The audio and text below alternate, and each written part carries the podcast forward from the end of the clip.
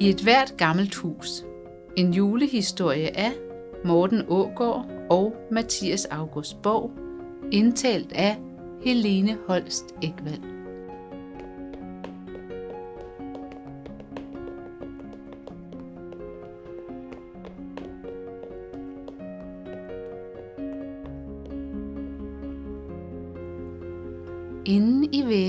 I et hvert gammelt hus i byen er der en labyrint af små gange og stejle trapper. Nogle gange går fra under et knirkende gulvbræt og op ad en trappe, der snor sig rundt og rundt og hen til en lille snæver passage helt oppe under loftet. Herfra kan man komme videre af en trappestige, der går fra sømmet, som billederne på væggen hænger i, til et lille hul lidt længere nede, og vupti, så er man inde i væggen igen. Derfra går endnu flere gange rundt langs stuens paneler og loftets smukke stuk. Man kan komme fra kontoret og til køkkenet på under et minut, hvis man skynder sig, og man kan komme fra kælder til kvist hurtigere endnu. Det er selvfølgelig ikke husets mennesker, der bruger de hemmelige gange. De kan slet ikke komme derind. Ikke engang en stor tog vil man kunne presse ind. Du har nok gættet, at det er nisserne, der suser rundt i husets vægge, uden nogen opdager det. I køkkenet går Signe rundt og rumsterer. Hun bærer kanelkager og koger lysebrun karamel, som skal pakkes ind i rødt papir og lægges i den fine skål af krystal, den som Anna ikke må pille ved. Lige uden for køkkenvinduet er Anton i gang med at hugge brænde. Han sveder så meget, at han har taget sin frakke af. Anton løfter øksen op over hovedet, og med et brag lander den oven på et stykke træ, som flækker midt over.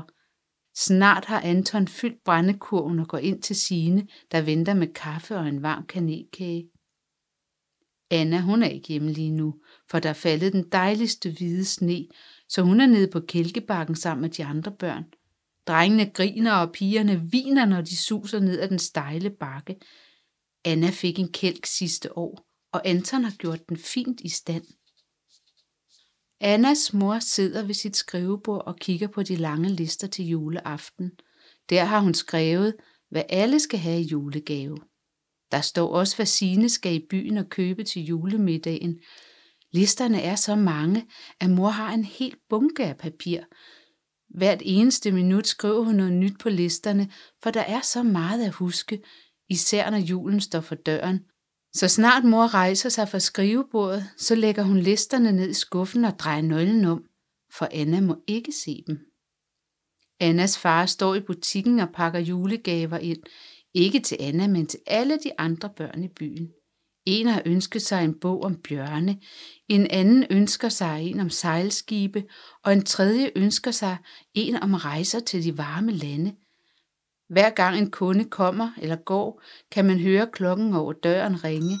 Ding, ding, siger den, og far har sat en kravlenisse med halsterklæde og stridører på kasseapparatet. Hvis du tror, det kun er menneskerne, der har travlt op til jul, så kan du godt tro om igen.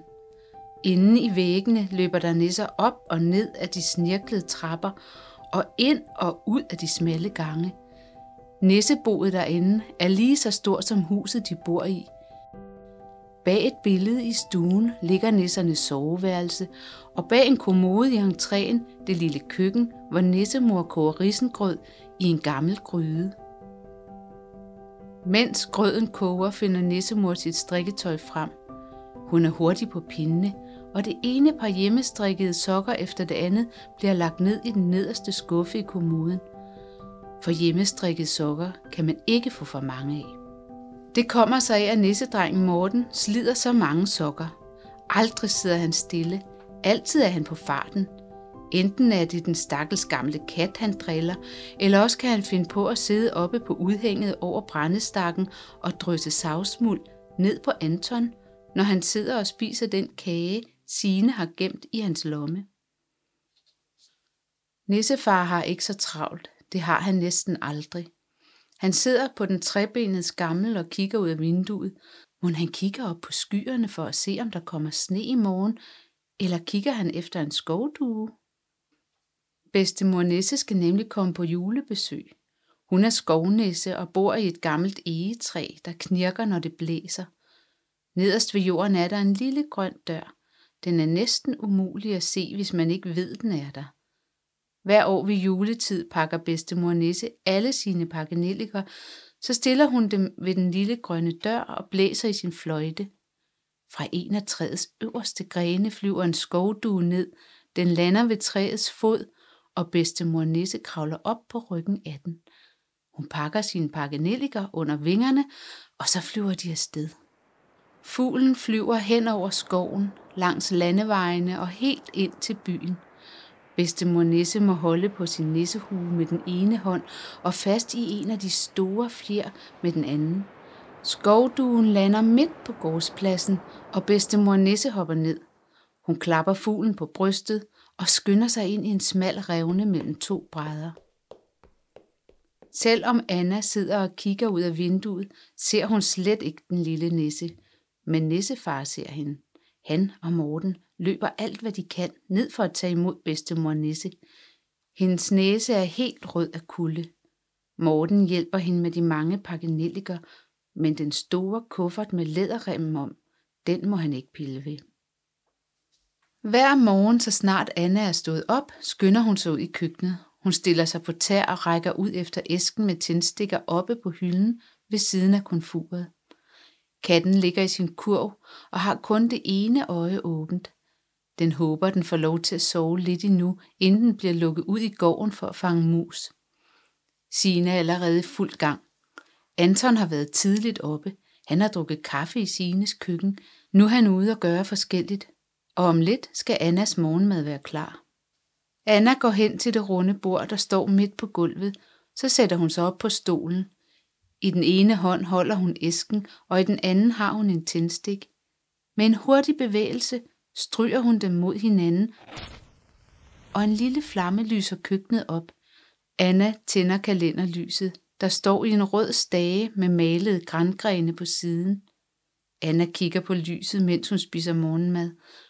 Hver dag brænder endnu et tal væk, og juleaften kommer tættere på. En dag havde hun glemt at puste lyset ud, inden hun gik i skole. Så stod det der og brændte helt alene. Sine havde ikke opdaget noget, før det var for sent. Tre tal for meget var brændt væk den morgen.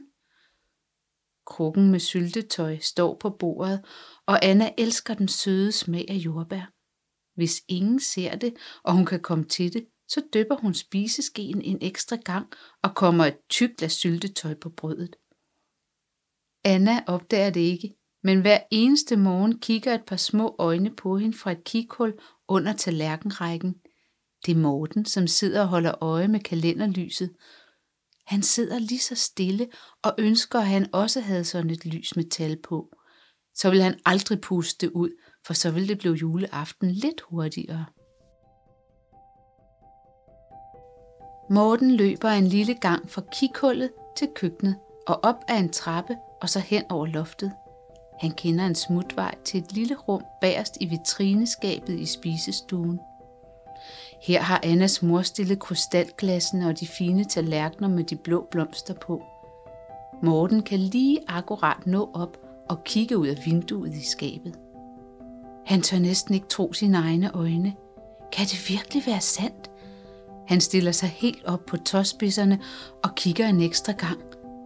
Jo, det er den. Juletræskassen er kommet frem. Så var det ikke længe, inden familien skal ud i skoven og vælge det smukkeste træ. Morten hopper fra den nederste hylde og op på den næste og den næste igen. Derfra kan han se meget bedre. Kassens låg står lidt på klem. Det må være Sine, der har kigget, tænker Morten. Han kan næsten se de blanke glaskugler, måske en lille smule englehår og det, der stikker op i hjørnet, er det julestjernen? Morten hopper af glæde og skynder sig tilbage til nissemor for at fortælle. Ved køkkenbordet sidder Anna stadig og kigger på sit kalenderlys. Det brænder så langsomt, at man skulle tro, det aldrig blev jul. Sine er listet ud i gården. Der sidder Anton og slapper af. Han har lige givet hestene mad, og nu holder han en pause. Sine sætter sig ved siden af ham på bænken. Op af lommen tager hun en serviet. Hun har pakket noget ind i den. Anna ser det hele fra bordet, men det ved Sine og Anton ikke. Der dufter stadig af vaniljekranse i køkkenet, og min sanden om ikke der ligger to i sine serviet. De smiler til hinanden ude på bænken, mens de spiser småkagerne, og Sine lister sin hånd ind i hans. En dag har Annas mor lukket døren ind til kontoret. Hun sidder ved sit skrivebord med en fyldepind i hånden. Morten kigger nysgerrigt med fra hullet i Bornholmeruret. Hun har skrevet en helt stak julekort. Forsigtigt dypper hun den sorte fyldepind i blækhuset, og så skriver hun med sin fine skrift med buer og kruseduller. Når hun er færdig med et julekort, holder hun det op og læser det langsomt. Så lægger hun det i bunken med de andre og begynder på det næste. Julekortene er flotte og i mange farver. Der er et med en blå himmel fuld af stjerner og med juleengle, og et med en stor, tyk julemand, der sidder fast i en skovsten. Morten kan ikke nå at se dem alle sammen, selvom han gerne ville. Lige om lidt sker det, som Morten har ventet på. Annas mor tager de små firkantede stykker papir op af skuffen.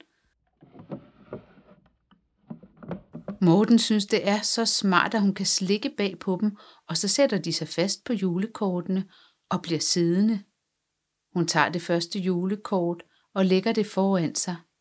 Et lille firkantet stykke papir tager hun op til munden. Med sin tunge slikker hun på det, og med pegefingeren sætter hun det fast på julekortet. Pludselig kalder Sine fra køkkenet. Annas mor ser sig omkring, rejser sig hurtigt og går ud af døren. Morten kan næsten ikke tro det. Alle de firkantede stykker papir ligger fremme lige der midt på skrivebordet. De plejer altid at være låst væk i en skuffe. Morten når ikke engang at tænke, før han hopper fra vitrineskabet hen over det persiske tæppe og kravler op af skrivebordets snoede ben. Han vil også slikke på de firkantede stykker papir, ligesom Annas mor. Han samler et af dem op. Det smager mærkeligt. Han lægger det på bordet og tager det næste. Det smager også mærkeligt. Hvorfor sidder hun og slikker på dem, når de slet ikke smager godt? Morten slikker på dem alle sammen, og der er ikke et eneste, der smager sødt af slik. Ikke et eneste, der smager af kanel eller brunkager. Så hører Morten skridt på gangen, og han hopper ind i en lille revne i væggen bag lampen på bordet, og væk er han. Annas mor kommer ind igen. Hun sætter sig tilbage og kigger på de mange julekort. Da hun skal til at samle et af de små firkantede stykker papir op, så sidder det fast på bordet. Det gør det næste også. Nu forstår Annas mor ingenting. De sidder alle sammen fast på bordet. Må der har været nisser på spil. En aften, hvor alle er gået i seng, åbner sine døren ud til gården. Anton sidder på bænken og kigger på stjernerne. Det gule lys falder fra døren og næsten hen til bænken. Sine ved godt, hun heller må se at komme til køjs, for der venter en lang dag i morgen. Alligevel lister hun hen til Anton og sætter sig ved siden af ham. Hun kigger også op på stjernerne. Hvis der faldt et stjerneskud lige nu, så ville hun ønske sig et kys af Anton. Men det gør der ikke. Stjernerne lyser bare hvidt op på den mørke himmel. Sine smiler til Anton og skynder sig op i seng. Om søndagen har Annas far fri fra butikken, så tager han sit fineste tøj på og tænder adventskransen. Anna elsker at sidde i den fine stue og spise småkager, som Sine har bagt. Så fortæller far historier eller læser op af bogen med eventyr. Den varme røde drik, som mor og far drikker, dufter dejligt og sødt.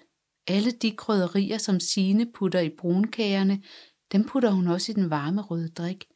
Men den er ikke for børn, siger mor, og Anna kan også bedst lide en kop varm kakao. En gang havde far taget et glanspapir med op fra butikken, så klippede han de mærkeligste former ud af papiret.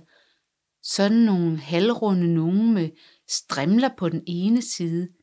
En i rød og en i hvid. Far viser, hvordan man kan flette strimlerne ind og ud imellem hinanden, og vupti, så har man et julehjerte, lige til at hænge op i vinduet. Når bedstemor kommer, skal hun sidde sammen med Anna i den bløde sofa og flette julestjerner. Bedstemor er så fiks på fingrene, at hun ud af de hvide strimler af papir og ikke noget som helst andet, kan flette en stjerne, der ligner dem op på himlen på en prik. Anna forstår det ikke, men bedstemor har lovet hende, at hun nok skal lære det en dag. Bedstemor kommer altid lille juleaften. Hun kommer med toget, og de tager alle sammen afsted til banegården for at hente bedstemor og alle hendes kufferter. Bedstemor er altid svimmel, når hun kommer ud af toget, for det kører så stærkt, at man ikke kan nå at følge med, siger hun. Men det går hurtigt over, når Sine bærer vafler, som ligner hjerter. De er så sprøde, at de knaser, når man bider i dem, og så kommer der syltetøj og flødeskum ovenpå. Når man bider i flødeskummet, så er det lige så blødt, som hvis man havde bidt i en sky med snevær indeni. Når det er tid til det årlige julebad, så er hverken Morten eller Nissefar til at finde. Men Nissemor kender den eneste måde at lokke dem frem fra deres hemmelige skjulested. Hun bærer de dejligste julekager med rosiner og nødder. Den søde duft fylder hele nisseboet, og hvis ikke de selv kommer frem fra deres gemmested, så kan nissemor bare gå efter lyden af maver, der rumler. Nissemor har fyldt den store balje med vand. Der er lige plads til Morten og nissefar. Hvis de siger, at vandet er for koldt, så siger hun bare, at det var varmt, da hun kom det i. Og hun kan jo ikke gøre for, at de var så lang tid om at hoppe op i baljen. Nissemor vasker dem begge to bag ørerne og under armene, men nissefars sorte store tog må have en ekstra tur med den stive børste, hvis den skal blive ordentlig ren. Nissefar spræller som en fisk i vandet, for han er så kilden. Det plasker og sjasker, som Morten får vand og sæbe op i næsen. Det er nissemor ligeglad med og siger, at den nok også trænger til at blive vasket. Ude i gården står de to brune heste spændt for kanen. Det har Anton gjort. Sine har hentet de tykke tæpper og lagt dem klar på de bløde sæder.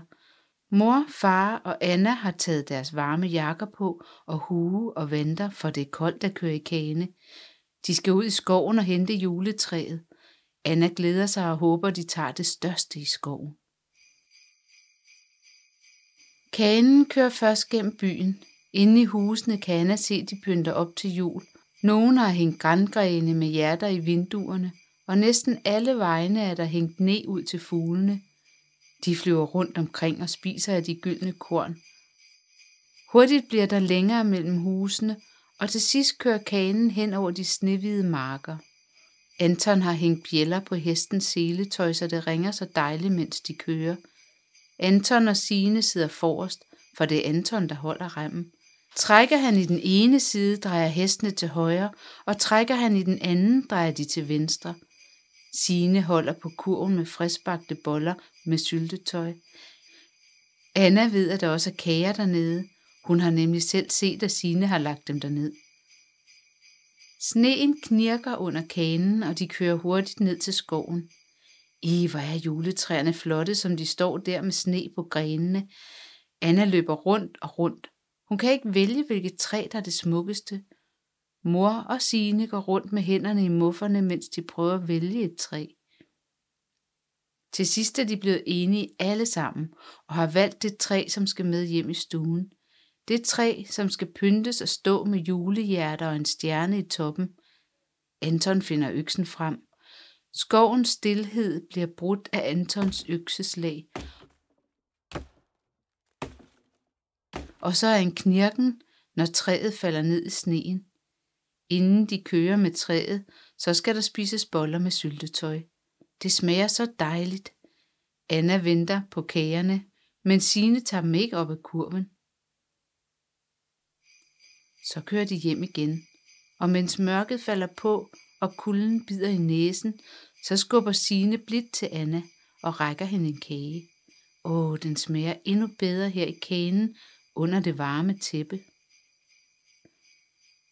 Morten står på taget og venter. Snifnukkene falder blødt på hans hue. Han har taget sit halsterklæde på, så han ikke fryser.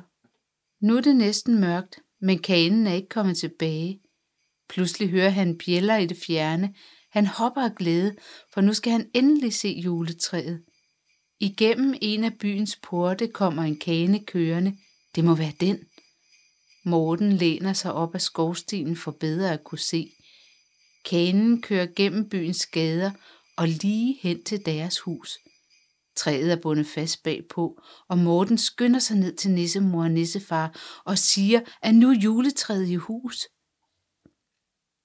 Juleaftens morgen står bedstemor altid tidligt op. Det gør Anna også, for hun er så spændt, at hun ikke kan sove. Sine sover stadigvæk i det lille værelse ved siden af køkkenet, så bedstemor og Anna må liste sig ud og tænde kalenderlyset for sidste gang. Mens de sidder og kigger på, at lyset langsomt brænder nummer 24, så får de begge sådan en lyst til kleiner. Anna har set, hvor kagedåsen står, så de spiser i smug. Så snart de hører sine pusle inde på værelset, så fejrer bedstemor de sidste krummer af bordet, og Anna stiller kagedåsen på plads. Det første sine gør er at tænde op i konfuret. Julegåsen skal nemlig i ovnen. Den skal stå og hygge sig hele dagen, siger Sine og fylder den med svisker og æbler. Klokken er næsten otte. Anna løber ind for at se, om mor og far er stået op, men midt på gangen stopper hun. Hvad er det? Anna kan se, at der er en bule nederst i julesokken, som hun hang op sammen med bedstemor, inden de gik i seng. Anna skynder sig hen og mærker på den. Jo, der er en lille firkantet pakke dernede. Anna tager den op og glemmer alt om mor og far. Hun skynder sig ud til bedstemor i køkkenet. De pakker gaven op ved køkkenbordet, og Anna hopper af glæde, da hun ser farveblyanterne.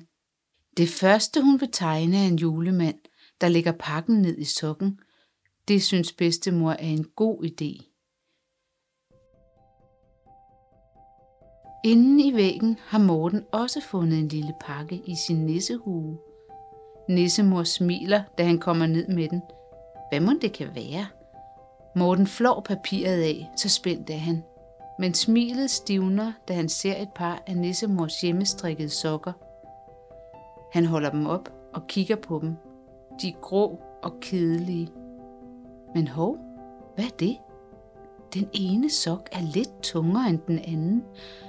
Morten stikker hånden ned og fanger en lille rusten nøgle, så smiler han igen. Det er nøglen til nissemors skab. Han løber hen og stikker nøglen i og drejer rundt. Døren knirker, da han åbner den. På den midterste hylde står der et splinter nyt periskop. Sådan en, som nissefar også har. Morten jubler af lykke.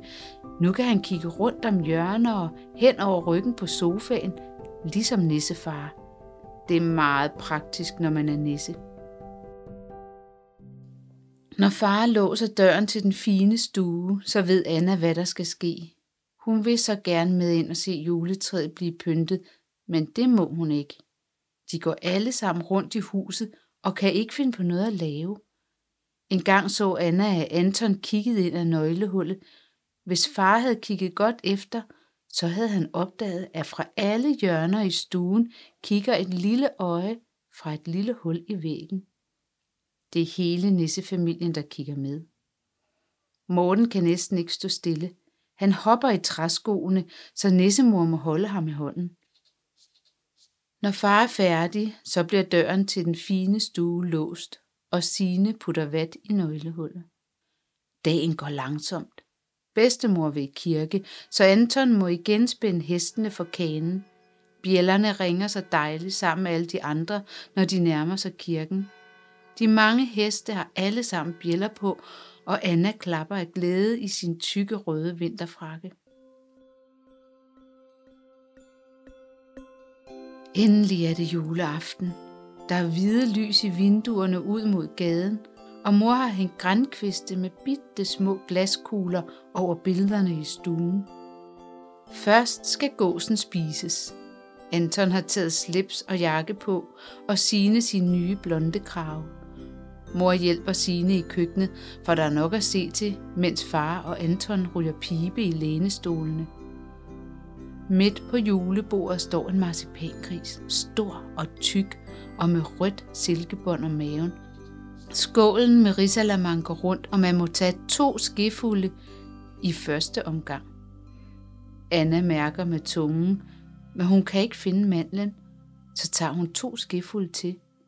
Pludselig opdager hun, at der ligger en hel mandel og lyser hvidt på hendes serviet. Den ligger næsten i skjul under tallerkenen. Anna kigger en ekstra gang. Så ser hun op på bedstemor, der smiler til hende og blinker med det ene øje. Endelig går far ind i den fine stue for at tænde juletræet. Ventetiden er så lang. Mor tager krystalglassene frem fra skabet og stiller dem på et lille bord ved sofaen, mens Sine henter et fad med konfekt. Men Sine kommer ikke tilbage, og det forstår Anna ikke. Hun lister sig ud i gangen, og der står Sine og Anton. Skålen med konfekt har de sat på skænken, for Sine har lagt sin arme om halsen på Anton. Sikke da et julekys, tænker Anna og skynder sig tilbage. Morten sidder bag en af bøgerne i reolen og kigger på Annas far tænder lysene på træet. Et for et får de en lille flamme, som lyser stuen op i det dejligste gule skær. Far retter også på et krammerhus og spiser en pebernød, som han fisker op fra et julehjerte. Nissemor kommer løbende og tager Morten i hånden. Nå ja, det havde han rent glemt. Og så suser de afsted gennem gange og ned ad de stejle trapper. Anna løber ind i den fine stue i det sekund, at dørene går op. Aldrig har juletræet været så smukt. Det når næsten helt op til loftet. Hun kigger på alle de flotte pakker i farvestrålende papir. Den store med det gule bånd. Gud ved, hvem den er til. Så tager de hinanden i hånden og går rundt om træet, mens de synger. Bedstemor kigger op på stjernen, for den synes hun er det smukkeste. Far han ser efter trummen, for han elsker, når de synger, at Peter har den gren så kær, hvor på trummen hænger. Mor, hun kigger på lysene, og Sine og Anton kigger på hinanden. Man skulle tro, at Anna kiggede på pakkerne under træet. Det gør hun måske også, men der er noget andet, der får hende til at spære øjnene op. Nissefar kender en hemmelig gang. Den går under gulvbrædderne i den fine stue. De må bukke sig ned, så lidt plads er der. En gang om året lister nisserne hånd i hånd af den mørke gang. Nissefar ved, der er en knast i gulvet lige under juletræet. Den sidder løst, og hvis man skubber til den helt forsigtigt, så kan man løfte den af. Nisserne kravler op, og inde bag pakkerne, under juletræet, tager de hinanden i hånden og synger med på julesangene. Morten kigger på pakkerne, og pludselig så ser Morten og Anna hinanden. Du har lyttet til I et hvert gammelt hus af Morten Ågård og Mathias August Bog. Indtalt af Helene Holst Ekvald, redigeret af Morten Ågård. Radioteatret ønsker dig glædelig jul.